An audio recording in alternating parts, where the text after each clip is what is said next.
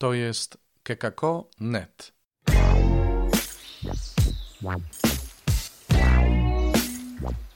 Poranny suplement diety.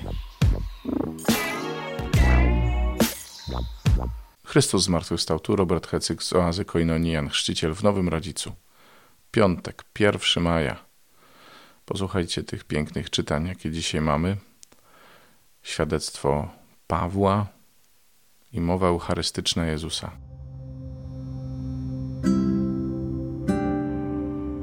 Z dziejów apostolskich. Szaweł ciągle jeszcze siał grozę i dyszał rządzą zabijania uczniów pańskich.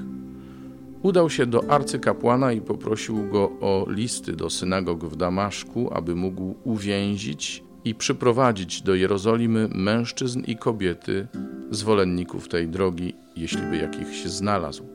Gdy zbliżał się już w swojej podróży do Damaszku, olśniła go nagle światłość z nieba. A gdy upadł na ziemię, usłyszał głos, który mówił: Szawle, szawle, dlaczego mnie prześladujesz? Powiedział: Kto jesteś, panie?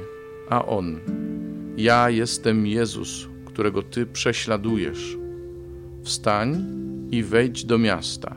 Tam ci powiedzą, co masz robić. Ludzie, którzy mu towarzyszyli w drodze, oniemieli ze zdumienia.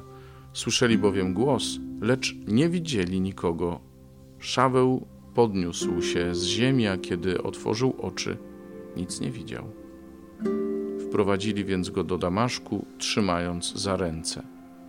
Przez trzy dni nic nie widział i ani nie jadł, ani nie pił. W Damaszku znajdował się pewien uczeń imieniem Ananiasz. Pan przemówił do niego w widzeniu: Ananiaszu, a on odrzekł: Jestem, panie. A pan do niego: Idź na ulicę prostą i zapytaj w domu Judy o Szawła Starsu, bo właśnie się modli. I ujrzał w widzeniu, jak człowiek imieniem Ananiasz wszedł i położył na nim ręce, aby przejrzał. Odpowiedział Ananiasz: Panie, słyszałem z wielu stron, jak dużo złego wyrządził ten człowiek świętym Twoim w Jerozolimie. I ma on także władzę od arcykapłanów więzić tutaj wszystkich, którzy wzywają Twojego imienia. Odpowiedział mu Pan: Idź, bo wybrałem sobie tego człowieka za narzędzie. On zaniesie imię moje do pogan i królów i do synów Izraela i pokaże mu, jak wiele będzie musiał wycierpieć dla mego imienia. Wtedy Ananiasz poszedł. Wszedł do domu, położył na nim ręce i powiedział: Szawle, bracie, Pan Jezus, który ukazał ci się na drodze, którą szedłeś, przysłał mnie, abyś przejrzał i został napełniony Duchem Świętym.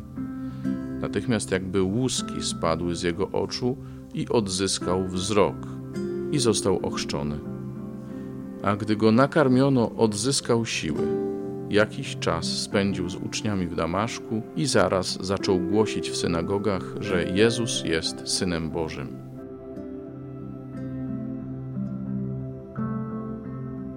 Z Ewangelii według świętego Jana. Żydzi sprzeczali się między sobą, mówiąc: Jak on może dać nam swoje ciało na pożywienie? Rzekł do nich Jezus: Zaprawdę, zaprawdę powiadam wam, jeżeli nie będziecie spożywali ciała Syna Człowieczego i nie będziecie pili krwi Jego, nie będziecie mieli życia w sobie. Kto spożywa moje ciało i pije moją krew, ma życie wieczne, a ja go wskrzeszę w dniu ostatecznym. Ciało moje jest prawdziwym pokarmem, a krew moja jest prawdziwym napojem. Kto spożywa moje ciało i pije moją krew, trwa we mnie, a ja w nim. Jak mnie posłał żyjący Ojciec, a ja żyję przez Ojca, tak i ten, kto mnie spożywa, będzie żył przeze mnie. To jest chleb, który z nieba zstąpił. Nie jest on taki jak ten, który jedli wasi przodkowie, a poumierali. Kto spożywa ten chleb, będzie żył na wieki. To powiedział, ucząc w synagodze w Kafarnaum.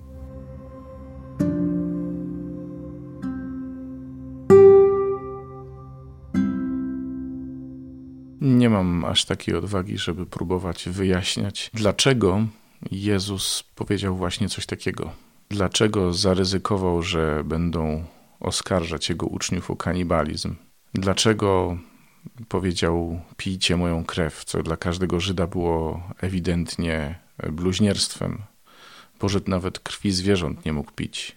Właśnie przez to, że we krwi jest życie. A Jezus mówi: Jeśli nie będziecie pili mojej krwi, nie będziecie mieli życia w sobie.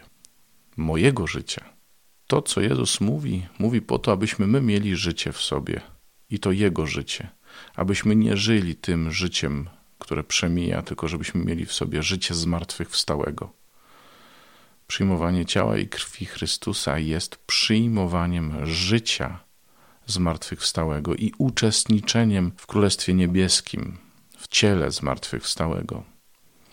To jest jedna odsłona tej tajemnicy. A drugą odsłonę prezentuje Pan Jezus Pawłowi, który oczywiście jeszcze nie wiedział w ogóle o co chodzi w tym momencie, ale okazuje się, że prześladowanie Kościoła jest prześladowaniem Jezusa. Ja jestem Jezus, którego Ty prześladujesz, mówi do Pawła, czyli do Szawła. Zjednoczenie się z ciałem i krwią Jezusa, zjednoczenie się z Jezusem to jest zjednoczenie się z Kościołem. Przyjmowanie Eucharystii jest aktem jedności z Kościołem. Dlatego przyjmujemy komunię wtedy, kiedy jesteśmy w stanie łaski, czyli wtedy, kiedy nie odwróciliśmy się od Boga i nie zraniliśmy Kościoła w taki sposób, który by to uniemożliwiał. Pamiętacie, że kiedy Judasz wziął chleb podany przez Jezusa i zjadł go, wstąpił w niego szatan, bo Judasz przyjął chleb w złej wierze, przyjął dar, przyjął życie tylko ustami, nie sercem. Oderwał się od wspólnoty uczniów i odwrócił się od samego Jezusa. Spożywanie Eucharystii uczestniczenie w Eucharystii jest tajemniczą, tajemnicą utożsamiania się ze zmartwychwstałym i tajemnicą jedności z Kościołem. Dlatego takie poważne implikacje ma, bo mobilizuje, skłania, kieruje mnie ku braciom, a moje oczekiwania i pragnienia kieruje ku niebu. I to tyle na dzisiaj. Jak zwykle zachęcam do subskrybowania podcastu i dzielenia się nim do nagrywania wiadomości i pisania na adres redakcja małpa kekako.net. Do usłyszenia do jutra. To jest kekako.net.